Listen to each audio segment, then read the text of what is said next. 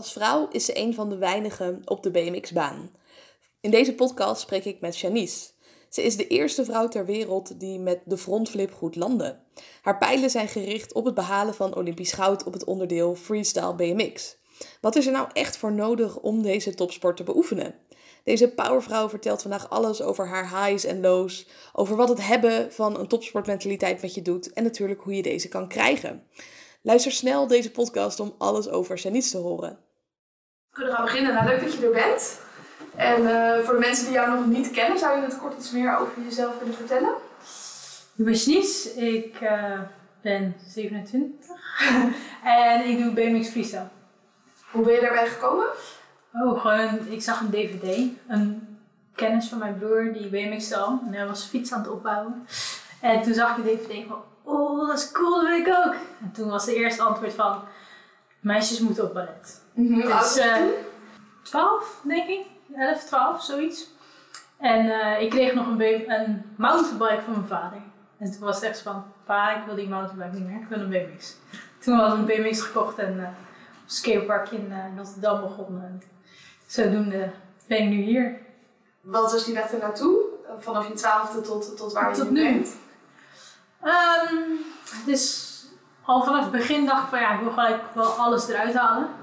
Ik uh, denk niet dat ik echt tussen de midden kan trainen. Want als ik tussen de midden zit, dan van ja, wat heb ik er dan uiteindelijk aan? Ja, dat dus, grijze gebied, het is bij jou of zwart of wit. Of ja, ga er echt ja, voor, of, of uh, niet. Ja. Een grijze gebied is meer voor andere mensen in de zin van als ik iets voor een ander doe en die, hij, hij of zij vindt het grijze gebied goed, dan geef ik jou dat. Maar voor mezelf is het gewoon uh, ja of nee.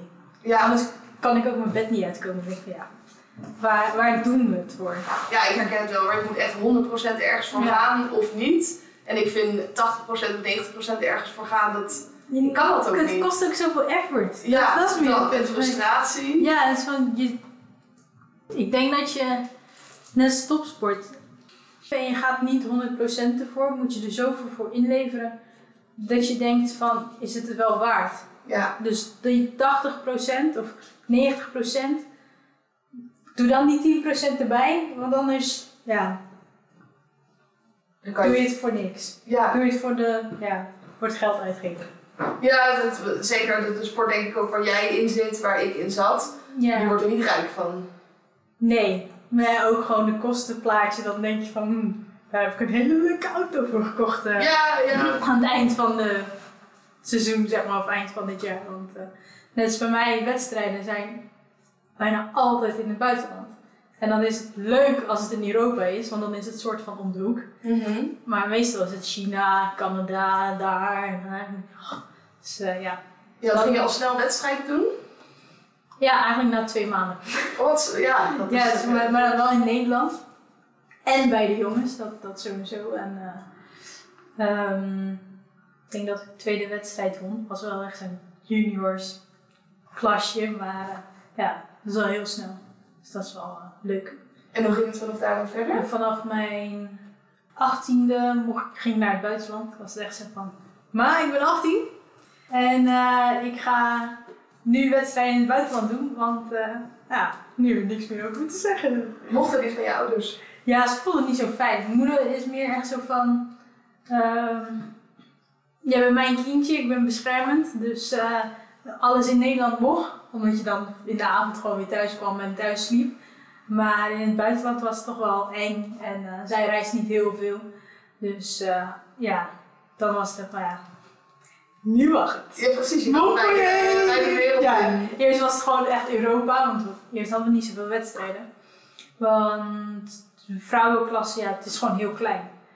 Hoeveel vrouwen doen dat in Nederland ongeveer? Drie. Oh ja, dat is inderdaad. Ja, maar, en, maar ook in de wereld was het eerst heel klein. Voordat het Olympisch werd, hadden wij misschien twee, drie wedstrijden per jaar. En in het buitenland, en nu is het echt zo van, oké, okay, nu heb je bijna elk weekend, als het geen corona is, heb je bijna elk weekend een wedstrijd uh, in het buitenland. Dus ja. ja. En wat was van jouw eerste wedstrijd op je achttiende? Waar ging je naartoe? Uh, Montpellier. Toen uh, Vies, wat nu een van de UCI Tour stopzij is. toen ging ik daarheen en met de organisatie gewoon eh, gemaild van... eh hey, hoe zit het? Waar moet je zijn? Wat, wat kan ik doen? Moest je kwalificeren ook? Nee, nee. Mag je gewoon Toen, eh, toen was het gewoon was geen UCI of wat dan ook. Het is gewoon erheen gaan, inschrijven, rijden en dan eh, weer naar huis. Ja, En eh, je had ook niet echt een titel of zo als je iets won. Het was gewoon van een wedstrijd. Ehm, en nu is het wel wat anders. Nu is het gewoon, je moet minimaal 50 UCI-punten hebben voordat je mag meedoen. En, maar bij een NK, als je eerste wordt, krijg je er al 200. Dus ja, dat is heel eh, Ja. en in Nederland is er niet zoveel meiden. Dus dan is het echt van, eh, oké, je moet in de top 3 zitten. Ja. We zijn maar met drie, dus dat scheelt. ja. Dat scheelt wel heel veel. En welke grotere wedstrijden heb je zelf gedaan? Zelf heb ik eh, de WK en de Tour gereden. De WK is in China elk jaar. Mijn hoogste ranking was zevende. Toen was ik heel blij. Top 8 Ja, dat A-status! Yay! En uiteindelijk kregen we geen A-status omdat NRC-NSF er niks meer nog mee ging doen. dus dat was wel heel kut. En dan gewoon de tour van, eh van Vies slash UCI. Ehm, dat is eigenlijk. En dan NK. Dat was het. Van alles wat er eigenlijk een beetje is, denk ik. En op basis waarvan wordt bepaald wie er wint? Ik heb bijvoorbeeld geturnd en dan had je bepaalde onderdelen die leveren bepaalde punten op. Werkt dat ook zo bij... eh, Ja, bij freestyle is het ehm, hoogte, originaliteit, gevaar, dus eh, hoe moeilijkheid van hoe groot is het risico dat je valt. Originaliteit en parkgebruik. Dus stel je voor je pakt alleen de box, dus alleen één obstakel, ja, dan krijg je minder punten als dat je heel het park gebruikt en met lijnen, dus gewoon mooi door het park van links naar rechts gaat. Zo niet dat je van ineens van de ene hoek naar de andere hoek van het park gaat omdat je een obstakel wil pakken, maar gewoon een hele vloeiende lijn ermee eh, maakt. Dat eh, beoordelen ze. En het is een jury sport, dus eh, ja, niet altijd zijn iedereen er mee eens. Nee, precies. Maar eh, ja, dat is ongeveer. En is elk park ook anders? De basis is op zich hetzelfde, omdat bij de Tour, terwijl, en ik praat nu echt over de UCI World Tours. De basis is hetzelfde, omdat die obstakels worden opgebouwd en weer afgebroken, maar ze zetten hem elke keer anders neer. Dus eh, denk aan je woonkamer die je elke keer anders eh, gaat inrichten. Ja, de onderdelen zijn hetzelfde. Ja, precies. Maar het zit elke keer eh, anders neer. Ja.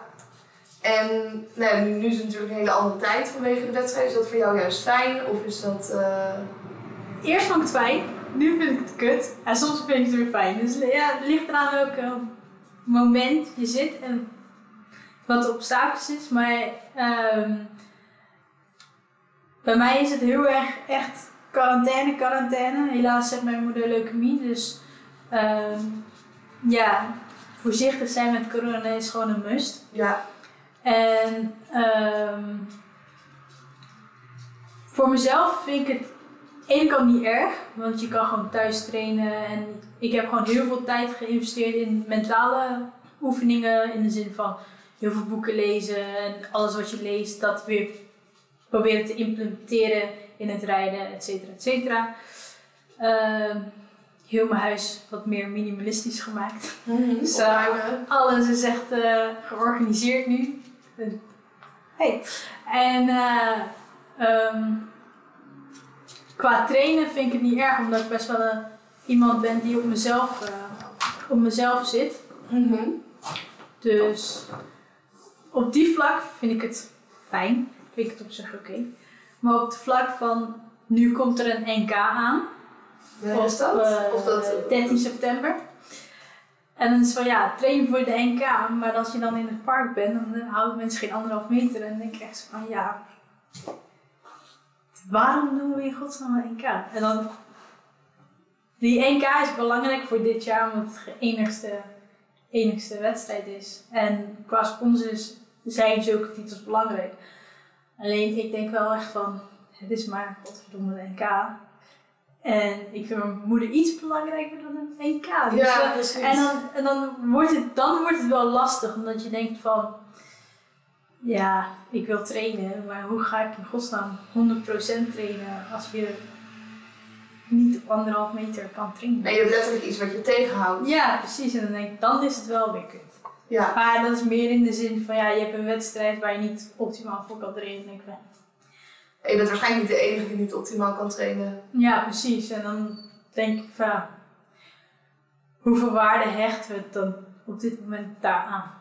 Aan een wedstrijd, zeg maar. maar dus eh, corona, het is goed, omdat je heel veel dingen op heel veel vlakken vooruit kan. Maar op sommige dagelijkse vlakken, in de zin van dagelijks als atleet, dan denk ik van, wow, kun je het toch ook eventjes overslaan. Ja, ja, ik hoor van sommige atleten ook dat ze het wel fijn vinden. Even niet hoeven te reizen. Ja, eh, precies. even die spanning van de wedstrijden niet. Ja. Dat je het soms ook wel kan missen van dat je naar een wedstrijd toeleeft. Ja, eh, precies. het- het doel voor ogen hebben. Ja, het is, ja dat, dat is echt het allerfijnst. Ja, en je zei, ik hou me dan nu meer met mindset bezig. Ja, Dat de luisteraars van mijn podcast, die zitten nu al op het puntje van hun stoel, denk ik. Ja. Gaan helemaal aan. Hoe ben jij bezig met je, met je mindset? Of, ik ben denk ik vijf, nee niet vijf jaar geleden, dus iets overdreven. Eh drie jaar geleden was ik echt begonnen met mindset. Ehm, mijn thuissituatie is best wel eh, hectisch. Moeder die eh eh, leukemie heeft en laag, een laag IQ heeft. Ik weet niet hoe je het, moest, hoe je het moet zeggen, maar. En mijn broer die een psychische achtergrond heeft en epilepsie en een hele combinatie met spiegels en epilepsie. En Heel gedoe. Geen fijne combi. Nee, het is heel erg aanpassen. En dan een andere broer die kerngezond is met mij erbij. Beetje gezond. Maar eh, alleen astma en dyslexie. Dus mijn begin van mijn leven was al hectisch. Waar ik wel mee kon dealen. Maar je moet wel voor het gezin leven. Mhm.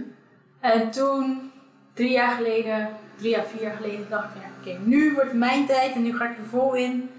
En mijn eigen ontplooien van oké, wat wil ik, wat ben ik, et cetera, et cetera. Gewoon eigenlijk heel dat spectrum. Ja. En toen begon ik met het mindset. En toen dacht ik, ik ga er één jaar aan investeren.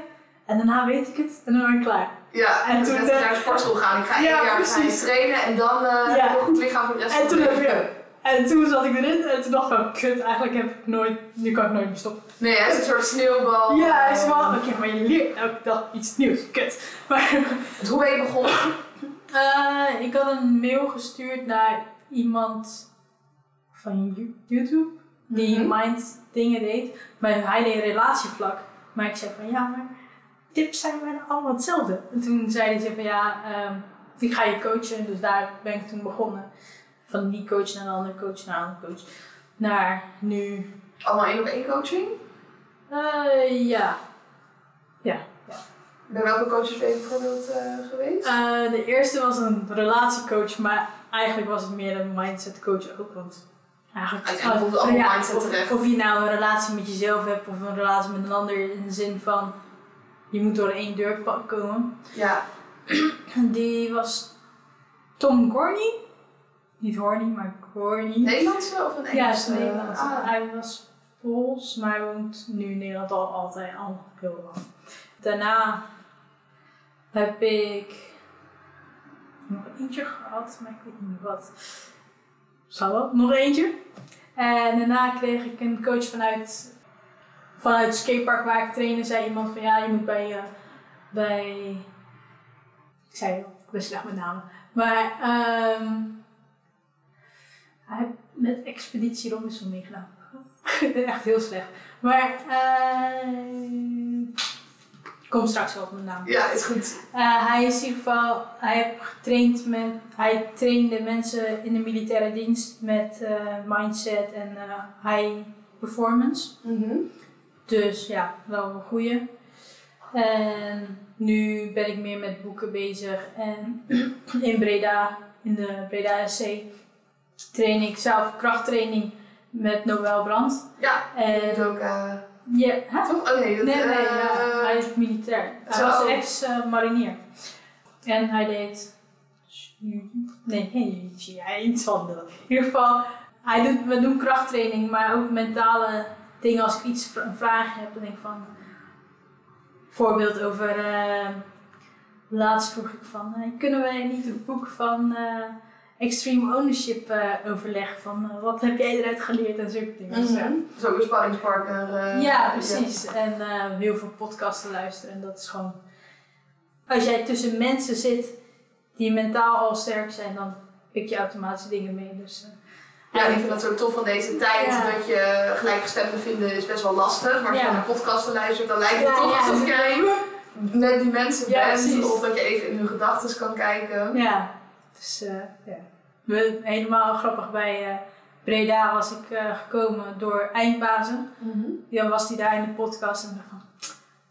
Jij praat wel iets interessants. Jij weet er meer van, ik weet het nog niet, maar ik ga het leren. En dan oké, we gaan daar trainen. Cool. En dan, ja, en dan leer je veel dingen ook gewoon. Soms mopper ik over iets en dan zegt hij zo... Ja, interessant. Oh ja, ja mopper ook. Ik doe maar het weer. ik moet gewoon doorgaan. Oké, dat, ja, dat relativeren. Hoe zeg je dat? Relativeren. Ja, relativeren, dat, eh, dat is wel heel fijn als je in die omgeving zit. Ja, als ik jouw verhaal zo hoor, ben je ook best wel actiegericht. Hè? Mensen zijn in Breda, jij wil er meer van leren. Op je gaat naar Breda trainen. Ja. Maar Eh, eerst uitzoeken, nee. Ja, Ja. eh, heb je dat altijd al gehad? Ja, denk, denk het wel. Het is ook een beetje aangeleerd, maar eh, ik heb zelf dys- dyslexie. En heel, de deur van mijn woonkamer die kan beter lezen dan ik. Maar ehm, op school hadden ze daar toen die tijd niet veel voor. voor. En dan was het echt van, ja, wij weten niet wat we moeten. En dan van, ja, maar ik kan gewoon leren. Lees het voor en ik geef je het antwoord. En daar botste ik toen al heel erg veel mee. En dat is groep 5 of zo. Van Ja. de basisschool. En dat is al heel vroeg. En daarna ging ik naar speciaal onderwijs. En wist het ook niet. En toen dacht ik, laat maar. Ik ga het wel zelf uitzoeken. En sinds die tijd is het denk ik gewoon standaard geworden van ja, jij weet het niet, oké, dan doe ik het zelf wel. Dus eh, ja, ik denk dat het vanaf toen al wel begonnen was. En vanuit huis uit kon ik ook niet echt heel veel vragen stellen, omdat, ja, sorry, maar ze wist het niet. En dat is van oké. Dus je, zei, je zoekt even zelf een beetje uit van oké, hoe ga ik dat uitvogelen? En ik denk dat het nu wel een soort van normaal voor mij is, maar niet echt normaal voor het normale leven, denk ik. Nee, je bent heel Ja. goed in alles zelf doen, maar Ja. hulp vragen, dat, soms is dat wel nodig, denk ik. Ja, en ik vind het ook niet erg om hulp te vragen. Ja, Dus, eh, want ja, als je ergens heen gaat en je zegt, maar ik ga daar trainen, is het eigenlijk wel hulp vragen.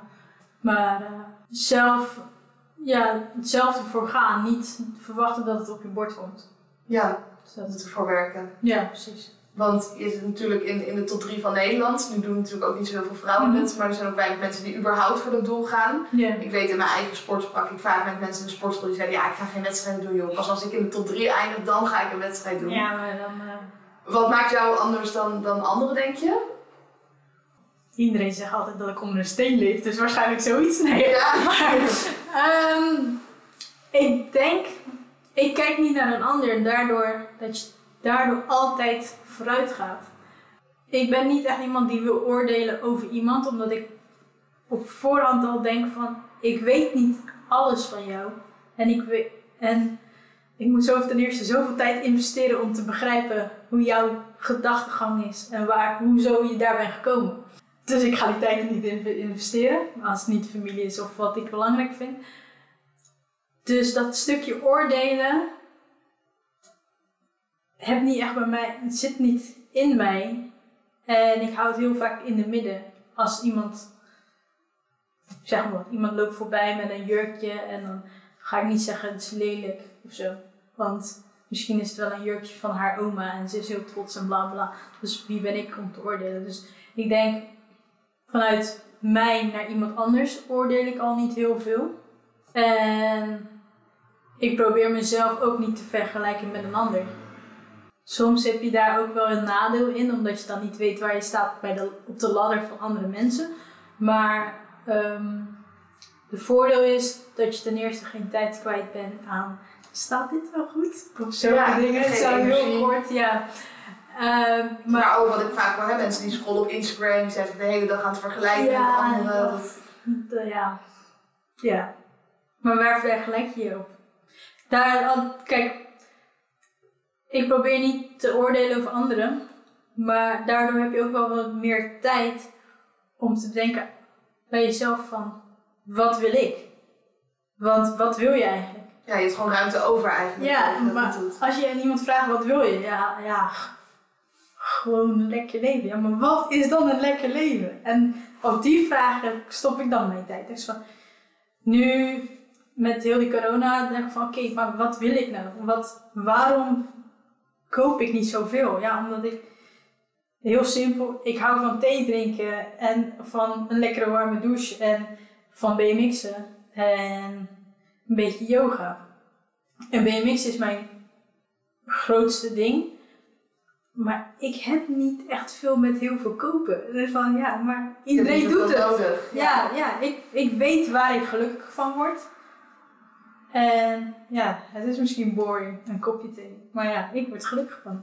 Ja, ik denk dat je zeker Ja. niet de enige bent. Hè. Mensen kopen vaak dingen met als doel om, om gelukkiger te Ja. worden. Als ik dan die vraag voor mijn deur heb staan, dan ben ik gelukkig. En dan staat ja, de deur en ja, dan, ja, dat weet ik niet meer. Ja, precies. dan, dan zie je hem op een gegeven moment niet meer. Dus Ja, ja. ik denk dat het helemaal geen verkeerde kijk is op, oké, als ik gewoon gelukkig kan zijn met, met wie ik ben en wat ik doe. ja, Dat dat... eh, Ik denk ook dat je, je koopt heel erg een eh, illusie.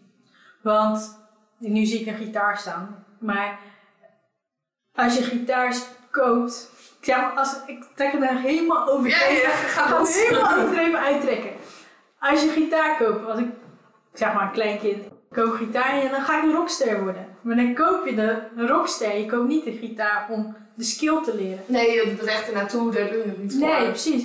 En als je een kijk, ik loop in de winkels met een kijk van wat voor skill kan ik leren. En de meeste spullen heb je thuis al.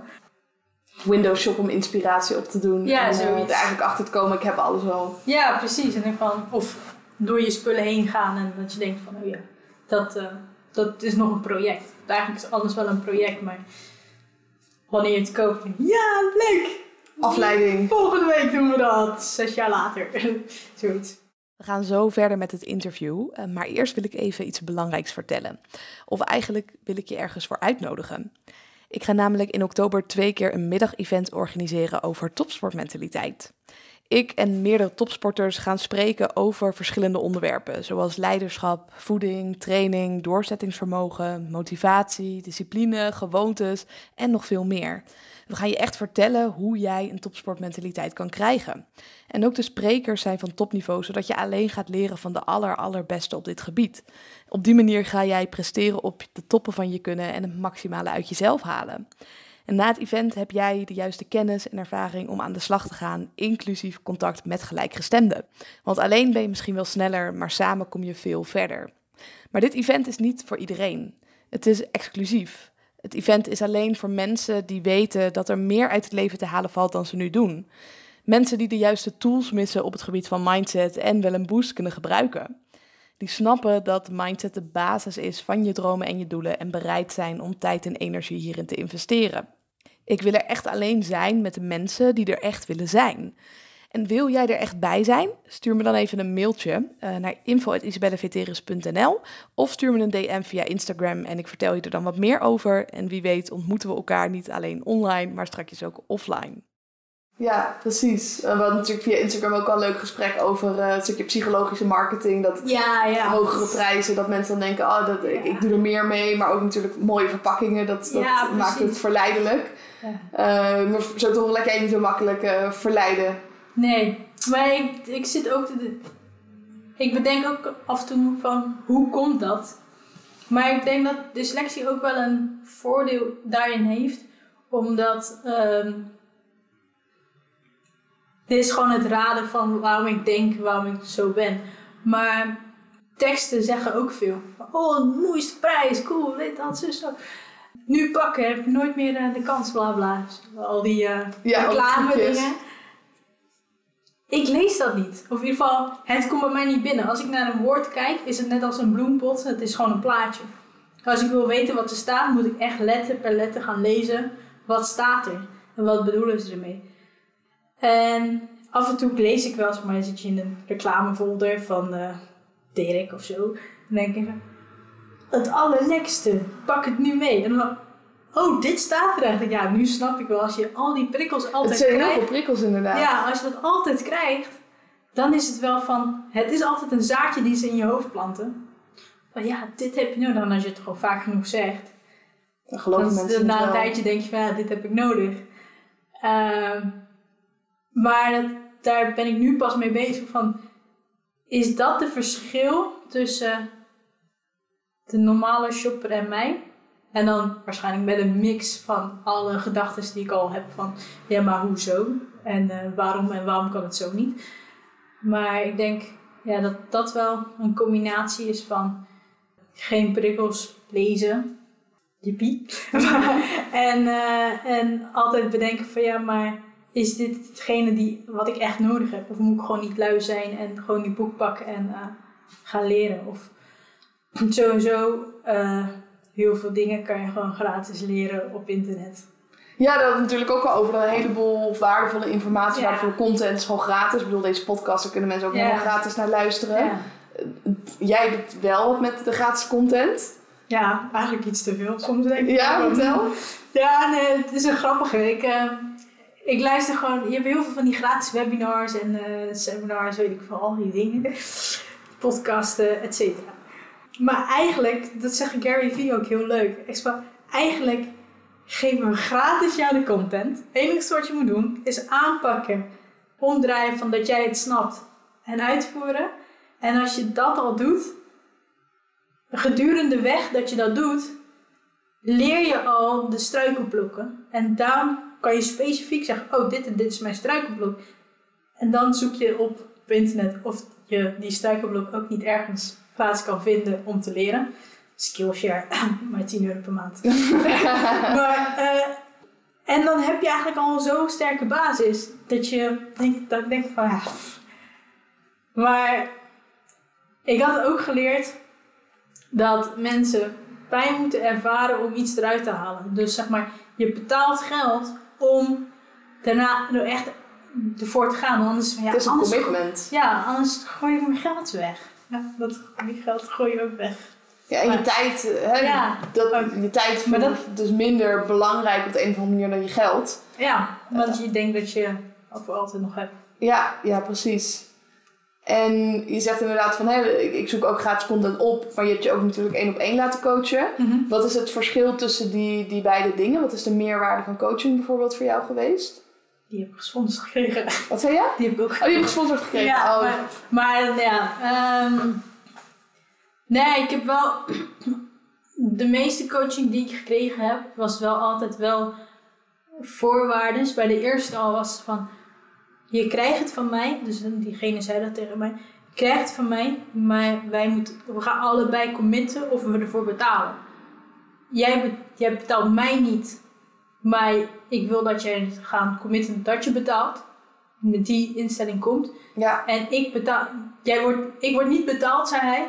Maar ik wil wel dat jij mij laat committen dat ik betaald word. Dus in de zin van, als ik niet kan, dat ik gewoon twee dagen van tevoren afzeg en zulke dingen. Dus de regels zijn allemaal hetzelfde. Maar we krijgen er geen geld voor. ja. En op die basis werd zeg maar de. Op, op die basis werd het dan ook ehm, begonnen. Mhm. En de regel was van als na een tijdje één van beiden het niet deden, wordt of je wordt er eh, op gewezen, of het, of het stopt. Ja. dus is wel degelijk een echte stok achter de deur. Van als ik het niet doe, Ja, dan, eh, dan stopt het gewoon. ja precies. Want het kost, ja, je betaalt met het waardevolste met je tijd. Dus eh, ja. Ja. Zo, En aan de andere kant, hè, ik merk bij jou in hoe jij hierin staat dat het anders is dan nou, de mensen die ik bijvoorbeeld eh, bijna dagelijks spreek. Mhm. Die maken het commitment van maandag ga ik bijvoorbeeld beginnen met afvallen. Nou, lukt het even niet, weet je wat, probeer het gewoon volgende week weer. Probeer, lukt het dan weer niet, probeer ik het nog een keer. ja. Heb je een tip voor mensen die struggelen met eh, dat, dat commitment maken? Mm, ik, eh, hoe ik in ieder geval doe is, ik ga in augustus beginnen met, wat was het voor mij dit keer? Ah, ik weet niet meer. In ieder geval, iets ging ik in augustus, eh, staat in mijn boek, in mijn journal. In augustus beginnen, maar nu begin ik al met de stappen maken. Dus in augustus, het is nu. Eind augustus. Ehm, oh nee, nee, het is niet. September bedoel ik. Oh ja. Oké, in september ga ik beginnen met een nieuwe journey. En het is nu 28 augustus. Dus we hebben nog vijf dagen. Toen was het nog een week. Maar ik ben nu al ermee bezig. Dus eigenlijk wanneer augustus begint, of september. Wanneer de nieuwe maand begint, wat makkelijk om uit te leggen. Wanneer de nieuwe maand begint, dan zit je er eigenlijk al in. Ja, dus je begint niet als een kip zonder kop. Van, ah, ik heb een doel. Ja, precies. twee beginnen. Ja, je begint Even, eigenlijk eh, vandaag al met, met iets heel kleins. En wanneer het er eigenlijk al moet beginnen, ben je er al mee bezig. Dus begin ongeveer een week van tevoren of twee weken van tevoren met het doel van begin van de maand of begin van de week. Dus dan begin je woensdag al met het doel van maandag, omdat je dan er al in zit. En dan ten eerste maak het dan de druk op het beginnen wordt al nog kleiner, want als je vanaf woensdag tot zondag één dag mist of de helft van de taak hebt gedaan, heb je al de helft van de taak gedaan, terwijl je eigenlijk pas volgende week gaat beginnen. Ja, en je hebt al alle voorbereidingen. Hè? Stel Ja, je wil aan je mindset werken. Nou, je koopt Ja. je journal, je koopt je boek. Dan Ja, hoef je maandag eigenlijk alleen nog maar op de play-knop te drukken. En dan kan Ja, je precies. starten. Nou eigenlijk wil je ook al in je journal iets schrijven. Ja, Of, of je hoeft nog niet eens te schrijven, want je gaat in je bed liggen. Hé, hoe ga ik mijn journal inrichten? Ja, oké, ik ga het sowieso inrichten. En dan kan je eigenlijk al bijna niet wachten. Dan denk je, oh, in mijn bed als ik voordat ik ga slapen, denk ik, oh, ik wil eigenlijk nu. Dan pak ik het journal je bij. excited. En dan ga je al iets doen en dan staat het er al in. Dan, ja, zo. Dus eh, plan het voor morgen of voor maandag of voor het begin van de maand. Maar begin nu al eraan en alle kleine dingetjes die je dan al doet, dat maakt het makkelijker om in dat, dat moment te beginnen, terwijl je eigenlijk al begonnen bent. Eh, en ik denk dat zegt wel iets. ja. En in het begin heb je altijd superveel motivatie. Dan Ja, je, precies. oh, ik heb er zin in. Maar vaak komt er op een gegeven moment wel een dipje. Ja, Dan heb je discipline nodig en dan wordt het een gewoonte. Wat doe je bij een motivatiedip? Ja, ik, ik heb mijn journal en dat is heel fijn. Ik eh, teken hem zelf. Eh, maar het is een weet je nou, checklist. Wat ik gewoon altijd moet doen. En soms heb je gewoon je dagen dat het gewoon kut is. Punt. En dan is het gewoon... Ten eerste kan je terugkijken van... Oké, wat heb ik allemaal gedaan? Want ik ben best wel heel streng op mezelf. Want als ik dan één training niet heb gedaan... Ah, kut week, bla bla. Ja, Terwijl ik denk echt van... Ja, hallo, je hebt je het een maand, maand lang goed gewerkt. Dus die ene training, dan maakt het niet uit. Maar als het lastig gaat, ga gewoon terug op de fundamentals van je week. Dan is het ehm, ten eerste makkelijker om het te doen, omdat je dan gewoon je taken uitvoert. En het even. Het mag even kut zijn. En gewoon, gewoon even kut je taken uitvoert. En dan over twee dagen of drie dagen voel je weer fijn om die taken uit te voeren. Dus ja, als je het maar hebt gedaan. ja, precies. En dan helpt het gewoon zo'n checklist van oké, dit, dit, dit gedaan. En het terugkijken van kijk, ik heb dit en dit al weken volgehouden. En ehm, eh, het voelt kut, maar je doet wat goed. Ja. En wat staat er bijvoorbeeld op jouw check- checklist? Wat zijn jouw Eh, fundamentals? Dit moment is het eh, heel erg gericht naar de NK toe. En, maar eigenlijk is het gewoon nog steeds basis. Op dit moment is het gewoon foamrollen, krachttraining of BMX'en, een van die twee. Boek lezen, visualiseren, yoga of mobility training, is een beetje hetzelfde. En evenwichtsoefeningen. Omdat ik nu kom ik uit een blessure, voorste kruisband afgescheurd. Dus eh, die dingen zijn belangrijk en, eh, ja. en een boek lezen is gewoon standaard. En daarnaast, dat is gewoon een fundament voor de NK toe. En nu is het gewoon een project van om mijn huis minimalistisch te maken, mijn hoofd wat rustiger te maken. En mijn moeder helpen in het huishouden, zulke dingen. Ja, ja, leuk. Ik ben zelf met een 10 winst principe bezig. En wat je vertelt lijkt er heel erg op dat je gewoon 10 winst hebt voor elke dag. Die je elke dag probeert af te kruisen. Dus inderdaad Ja. je voeding op orde, training. Ja. Maar ook eh, voor mij dan het ijsbad in of koud douchen. Ja. Wim- Wim lezen, Hof op. schrijven. Je Ja, Wim Hof is in de ochtend. Je wordt wakker en dan Wim Hof. Ja, ik heb geen ijsbad, ik heb alleen een douche. Maar in ieder geval ik douche koud. ben je wel eens in het ijsbad geweest? Of, Nee. eh, Nee. Eerst in ieder geval die ademhaling. Drie series. En dan eh, dan zo slaap in de kop. Douchen. En dan denk ik... Oké, wakker. Eh, adem goed en daarna gewoon heel high en zo. Ah, chill, peaceful. En dan foam erop. ja. Dus ja, het is wel leuker. ja, dan sta je denk ik ook wel energiek op op die manier. Ik word eigenlijk heel erg zen. Ik word echt wel heel rustig. Ik weet niet hoe dat komt. Ik denk, bij ons, bij ons thuis, als er iets aan de hand was, werd mijn middelste broer, zeg maar, de middelste broer is de gezondste, met samen mij, eh, die werd heel boos. Mhm. Als, iets, als het echt stront aan de knikker was, dan werd hij boos. En dan was het altijd iets met mijn moeder of met mijn oudste broer. En ik werd altijd heel, heel rustig. Op een of andere manier. Ik had één dag voordat de, of, of de dag dat de lockdown begon, toen eh, dacht ik dat ik mijn moeder moest reanimeren. Omdat zij kreeg een epileptische aanval. Alleen eh, ze kon niet ademen. Dus het werd blijk- bleek echt, nee, godverdomme. Het is niet zo dat mijn moeder nu gaat mo- moeten reanimeren.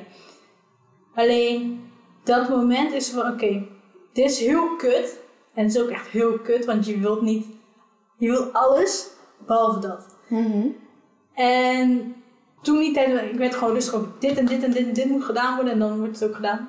Niet zozeer dat ik drooggekloot ben, want een week later krijg ik het nog steeds. Ja, Die je bent wel actiegericht Ja. op dat moment. Ja, maar ik denk dat altijd als ik adrenaline krijg, of zo'n zo schok, dan word ik heel rustig. Dus ik denk ook als ik Wim Hof douche doe, dan is het echt zo peaceful.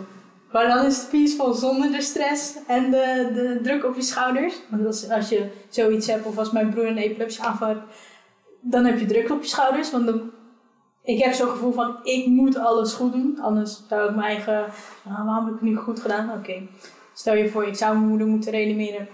Dan, nu gaat het trouwens allemaal goed met mijn moeder. Maar dan ligt het niet in jouw handen of, of iemand het redt of niet. Dus het ligt niet in jouw handen. Alleen jij kan je taken goed uitvoeren en that's it. Ik denk dat met die Wim Hof word ik peaceful. In plaats van dat ik echt heel erg wakker word. Maar ik denk dat het gewoon aangeleerd is van als Ja, het jouw, stress in het lichaam is. jouw mechanisme. Ja, en ja. merk je dat ook op de wedstrijden bijvoorbeeld? Dat je heel rustig kan blijven? Ehm, ja, eigenlijk wel. Eh, ik heb wel een trillende handje en trillende voetjes. Omdat eh, ik het heel erg exciting vind. Ik wil, ik wil het heel graag. Ja, goede dan, spanning. Ja, dus krijg ik weer zo... "Oh, Ja, ja, ik wil het, ik wil het. Dus eh, dan heb ik wel trillende handjes voetjes. Alleen in mijn hoofd is het wel heel rustig. En zo, oké, blijf ademen. Wat is nu aan? Mijn benen trillen. Maar dat komt omdat ik het heel graag wil, bla bla. En dat kan ik heel lang onderdrukken. Dus soms is een wedstrijd om vier uur of zo, vijf uur. En dan tot vijf uur, of eigenlijk in de ochtend blok ik het helemaal. Het is van, het is maar een wedstrijd. Een soort van negeren. Mhm. En eh, tijdens de training, slash voor de wedstrijd, dan is het wel echt heel erg, spanning heel hoog.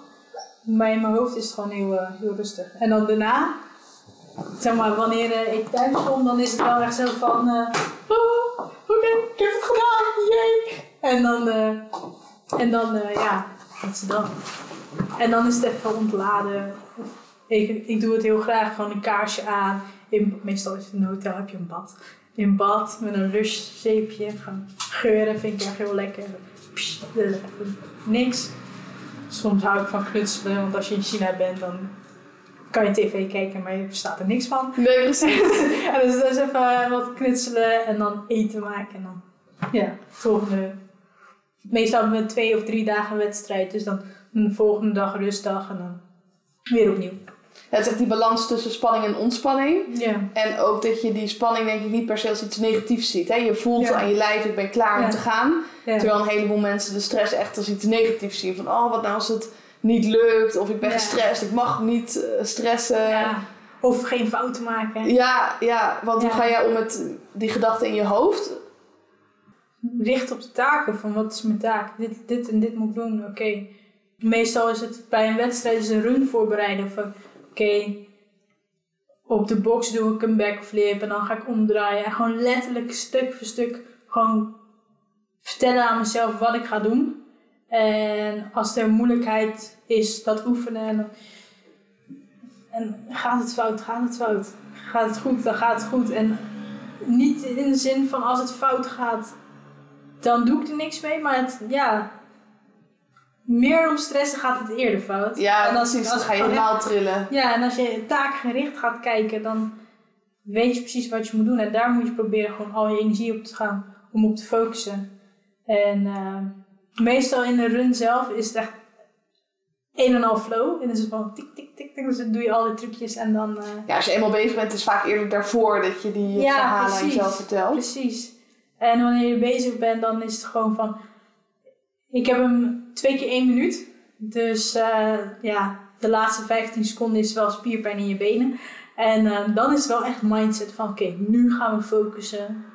Toen zei ik ook in de laatste wedstrijd in China, Japan. Ja, in Japan. Was ook van, oké, ik ben goed bezig. Was de laatste 20 seconden goed bezig. Nu ben je moe, dus focus op dat je goed uitvoert. En dat, ja, dat is gewoon het uitvoeren. En daarna heel eh, happy peppy zo door het huis, eh, hier naar huis heen lopen, dat het gewoon goed is gegaan. En als het niet goed is gegaan, gewoon evalueren. Eigenlijk, eigenlijk allebei. Als het goed gaat en niet gewoon evalueren. Maar als het niet goed gaat, evalueren van oké, wat ging er slecht? Eh, wat kunnen we eraan doen? Welk park ga je dat oefenen, et cetera, et cetera. En dan En als het wel goed gaat, je zegt ik loop helemaal happy peppy door het huis, vier je Ja. de successen ook. Ja, ja. Eigenlijk heel stiekem gewoon muziek aan, heel dansen. Ik, ehm, toen die tijd zat ik nog Team NL en ik voelde me niet echt fijn in de groep van Team NL. Dus eh, het was heel erg meer wanneer ik thuis was, hotel noem ik thuis eigenlijk. Wanneer ik thuis was in mijn hotelletje, dan met mezelf even vieren of met mensen even appen. Wel kijken hoe laat het is in Nederland, want dan is het weer vijf uur s'nachts als je iemand appt of belt. Maar ehm, ja, heel erg gewoon zelf blij zijn. van, kijk hoe goed ik heb gedaan. En dit en dit heb ik ervoor gedaan. De gedurende vier, vijf, zes maanden, jaar, twee jaar, weet ik veel wat. Ja, gewoon echt even of met jezelf of de mensen die belangrijk voor jou Ja. zijn, daarbij Ja, stilstaan. Ja, precies. Ja, Dus, eh, ja. ja, cool. Dat. En je zegt ook van ik reis over de hele wereld. Eh, ja, ik kom zelf uit de powerliften. Daar, daar kreeg je ook geen eh, vergoeding voor vanuit eh, NOC-NSF. Mhm. Je zei al van ik, ik eh, doe het dan met sponsoring. Ja. Hoe regel je dat bijvoorbeeld? Eh, Moet je dat allemaal zelf doen? He- heel breed eigenlijk. Mijn allereerste wedstrijd, toen ik 18 was, toen eh, had ik eh, BMX armbandjes gemaakt. En tegen iedereen gezegd, ja, ik BMX armbandje wil je kopen? En toen binnen, weet ik veel, twee dagen had ik mijn budget bij elkaar. En af en toe wel werken, als het echt moet. Dus van ja, of, of werk je of train je. Eh, en gewoon social media goed op orde krijgen. Netwerkfeestjes. Dus dat, is- dat is wel echt belangrijk. Omdat wanneer je niet eh Merci bent of eh, weet ik veel wie, qua voetballers. Ik leef onder een steen, dus ik weet al die namen niet. Ik ben ook meer van het zelfsporten dan anderen heel erg in de gaten houden. Ja, precies. Ja. Maar geval, die naam weet ik nog wel net wel. Maar als je dat niet bent, is het heel erg gun, gunfactor qua sponsorings. Dus netwerkfeestjes en... eh, klinkt echt heel raar. Netwerkfeestjes. Of eh, relaties met mensen aangaan van... Oké, wat kan ik voor jou betekenen? En ja, zulke dingen. Dus eh, vanuit Rotterdam Topsport krijg je ook heel erg veel ondersteuning. En ik merk wel dat mensen wel met liefde diensten willen aanbieden. Dus stel je voor je werkt voor je geld, kan je ook gewoon sponsoring vragen in diensten.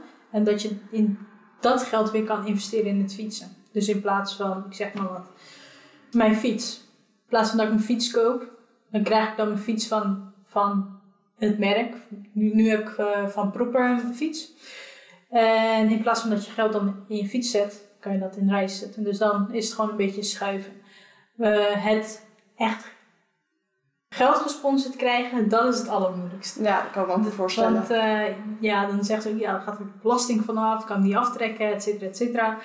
Dus dan, ja, dat is wel een langere project. En dan meestal is dat met, als ik dat gesponsord krijg, is dat meestal een mix met een reclamecampagne of een, wat dat bedrijf dan in hun hoofd heeft.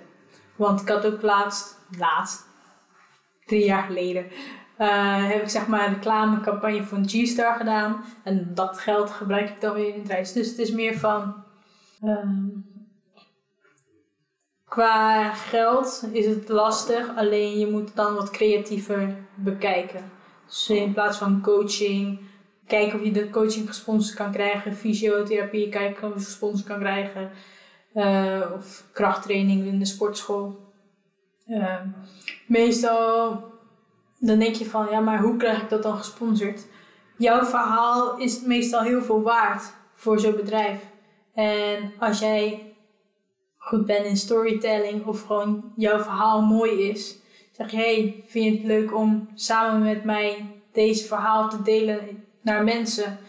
En dan zeg je tegen je sportschool of zo van, ik kan jou helaas niet betalen, maar één iemand meer of minder in een sportschool buiten coronatijd. Daar kijken ze niet naar. Nee, nee, Dus- precies. Dus, en dan, hun kunnen dat ook weer naar hun leden zeggen. van, Kijk hoe cool het is. Wij als sportschool. En het is wij als sportschool. Omdat alle leden is die, dat sportschooltje. En dan ben je heel trots van. Ja, kijk, wij hebben haar gesponsord.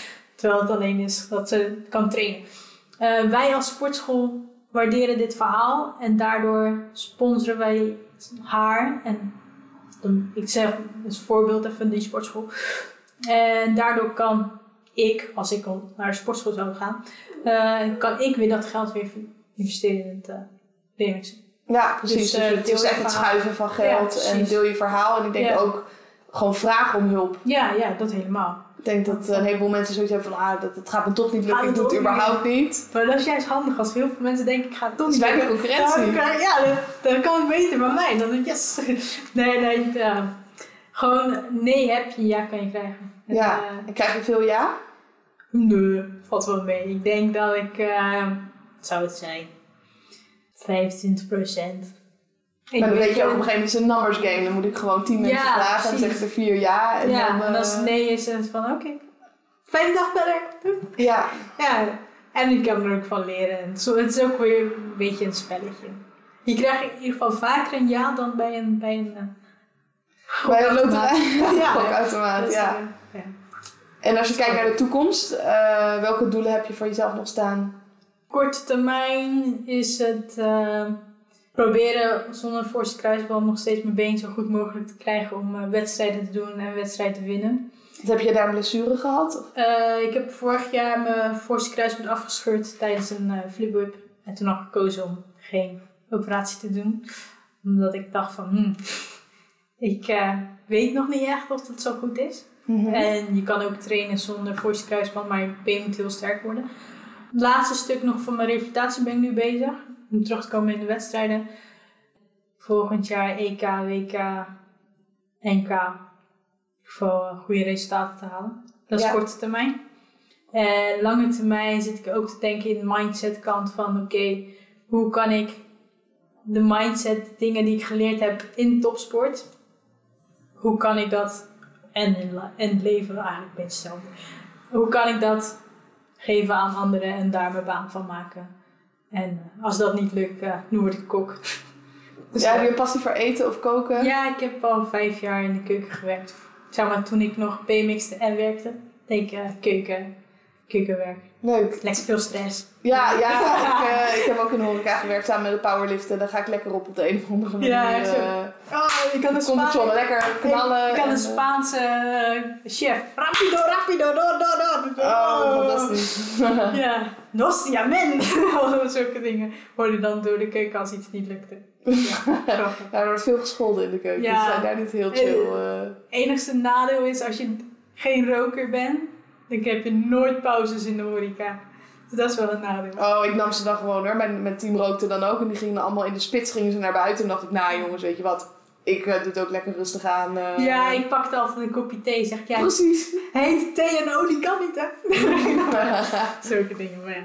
Dus ja, dat. ja, en je zei al van, ik heb, ik heb eh, het een en ander aan valpartijen gehad. Eh, heb je nog meer blessures gehad? Ehm, mijn enkel gebroken, voorste kruisband gescheurd. Een ruggenwerfschijf. Die, dat kraakbeenschijfje was een beetje naar achter gegaan. Dus dan kreeg je van die hernia eh, verschijnselen. Ja. hersenschuddingen heb ik eh, na een tijdje niet meer geteld. Blauwe plekken tel ik ook niet meer. Nee. En kneuzingen tellen we eigenlijk niet echt. Niet meer. Kneuzingen, ik denk dat ik. Wat zou het zijn? Zeker wel 40 of zo. In mijn BMX-leven gehad heb. Eh, Ja, het gaat letterlijk met vallen en opstaan. ja, precies. En na een tijdje leer je wel vallen. Maar ja, kneuzingen, blauwe plekken en een kleine verrekking, dat eh, tellen we niet meer echt mee. En die grotere blessures, neem je dat dan nog mee in volgende trainingen? Of, Ja, meer in de krachthonk. training maar niet dat je dan, als je dan weer de- dezelfde oefening moet doen, dat je denkt, oh help, als het maar niet misgaat. En je probeert eigenlijk als je echt hard valt, probeer je hem zo snel mogelijk weer te doen. Ja, Dat was meer het punt. Dus als jij eh, met de had ik mijn enkel gebroken en gefixeerd. Dus hij stond echt 90 graden de verkeerde kant op. En eh, toen, eh, ja, gips eromheen. Na weer, eh, eigenlijk na twee maanden, gewoon weer frontflips gaan oefenen en weer doorgegaan. Maar wel gekeken, oké, wat was er nou het probleem? Oh, ik draaide niet te ver, niet ver genoeg door. Oké, dan eh, gaan we dat maar even wat meer trainen in de schuimbak. En daarna gewoon eh, duizend keer vallen totdat je hem weer landt. ja. Het is, en soms is het ook gewoon pech hebben, want een blessure is gewoon. Een goede blessure is meer omdat je een keer anders valt dan verwacht. Want normaal, de gevaarlijkste dingen val je meestal het minst mee of het veiligst mee. En dan ben je scherp. Ja, precies. En als je en iets loms hebt, dan ja. Mijn voorste kruisband heb ik afgescheurd omdat ik mijn voet neerzette. En mijn fiets was wat verder. eh 90 graden verder de, naar rechts. En mijn linkervoet zet ik neer. En doordat je die cap hebt, klapte mijn knie naar binnen. Ja. Dat is echt gewoon een paar graden van je fiets naar rechts. Ja. En mijn frontflip, toen mijn enkel brak, dat was ook echt van... Ik zette mijn voet in plaats van recht naar voren neer, een beetje een paar graden naar links, naar links neer, waardoor mijn enkel wegklapte. Ja, dat, dat kan je ook eh, krijgen als je stoep af, eh, af, afloopt. Dus eh, oké, het is iets minder Iets minder impact, maar... impact, maar waarschijnlijk een algemene enkel of een algemene knie is echt niet zo sterk als een getrainde persoon. Nee, Dus- nee, dus uiteindelijk- hetzelfde. Uiteindelijk, de impact is een beetje hetzelfde. Dus, Ja. ja. En nee, de minimale verschillen maken dus echt best wel veel uit. Het kan net een blessure Ja. zijn of geen blessure. Ja. En als je nu kijkt, je zei ook voor de toekomst zou ik graag andere mensen willen helpen met mindset van de dingen die ik van de topsport heb geleerd. Welke drie dingen zijn het belangrijkste die je hebt geleerd van de topsport op het gebied van mindset? Ehm, eerst investeren. En dan bedoel ik echt investeren. Dus minimaal een jaar, misschien twee jaar. Eh, voordat je iets wil verwachten. Ja, tijd investeren. Ja, want meestal is het van, eh, ja, mijn Instagram werkt niet. Hoe lang ben je bezig? Ja, twee weken. Ga maar even nog twee jaar door. Doorgaan, al is het kut. Want soms, het is meestal een periode. En soms is het ook gewoon meer een gevoel van, het, als ik soms ook naar mezelf kijk. Als ik niet een journal bij- bijhoud van, oké, wat zijn mijn taken? Is het van, heb ik misschien twee dagen een slechte training gehad. Ja, heel de week is kut. Ja, niet Ja, dan ga je mindset kut. met je aan de haal. Ja, precies. Nee, het is wel even niet twee dagen. Morgen heb je gewoon weer een nieuwe kans. Dus als het kut is, eh, gewoon doorgaan. Dus dat schrijven helpt jou daar heel erg bij. Ja, precies. Om, om... Je kan niet alles in je hoofd vasthouden. Want als je in je hoofd alles vasthoudt, dan wordt het een beetje warrig. En kan je niet clear kijken van ben ik goed bezig of ja of nee. Ehm, Nee, je bent niet met data aan het werken, je bent met je eigen emoties, je emotionele ja, precies. En lading. dat, dat mixt zo erg met je. Met of het echt goed gaat of het echt kut gaat. Meer in de zin van of het echt kut gaat. Want het is meestal al die kleine, kleine dingen die jou de grote stappen laten maken. En niet, niet die, in jouw geval, eh 100 kilo deadlift die ineens wereldkampioen maakt. Nee, precies. die- al die trainingen daarvoor en al die uren Of slaap. die en- 100 kilo en die 10 gram. Die 10 gram maakt je sterker. Dat je net in de wedstrijd iets meer kan doen. Dat Precies, ik ging Ja. gewoon elke week één kilootje meer doen. En dan na een jaar ben je inderdaad ben je 52 kilo sterker. ja. Maar de mensen Maar die zien en denken van wow, die is 50 kilo sterker geworden. Terwijl, Nee. dat is natuurlijk niet zo. Maar, maar ook gevoel. Maar ook mensen dat je denkt van...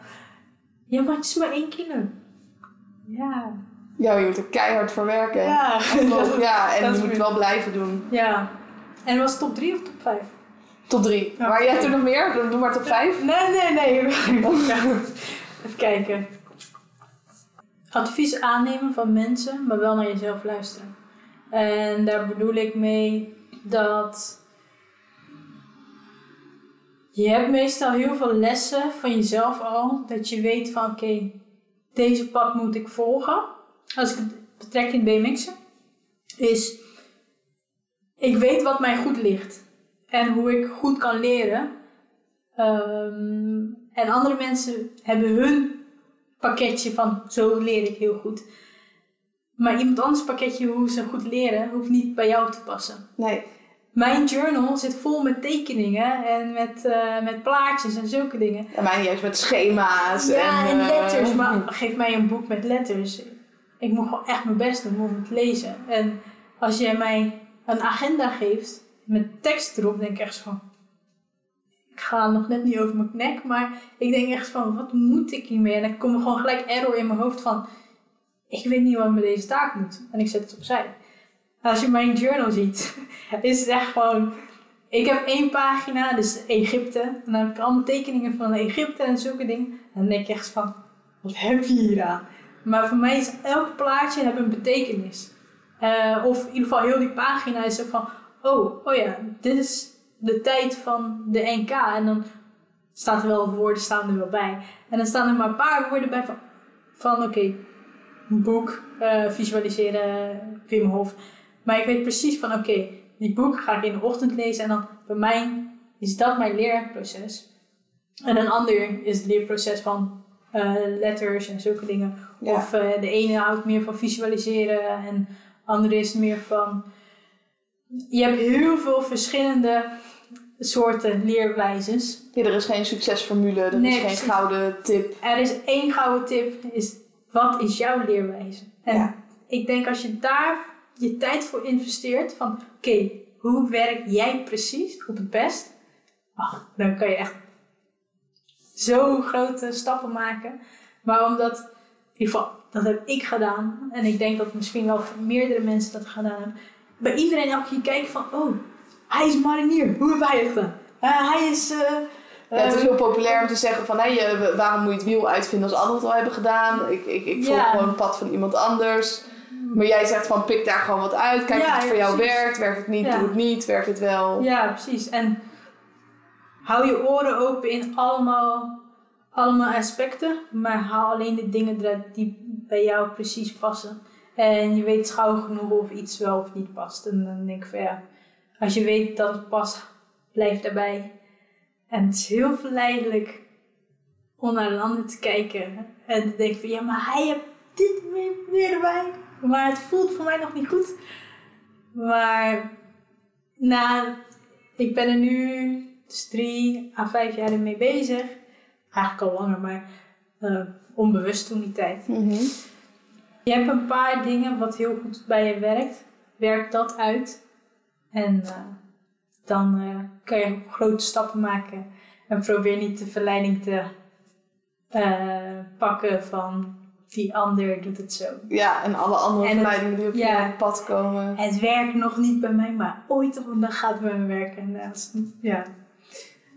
als je niet voor school of werk of wat dan ook nodig hebt, dan eh, doen we er liever niet de tijd investeren. Nee. Dat zou ik zeggen. Nee, en waardeer je tijd, hoor ik je eigenlijk ook zeggen. Ja, ik denk, ja, denk het wel. ook wel.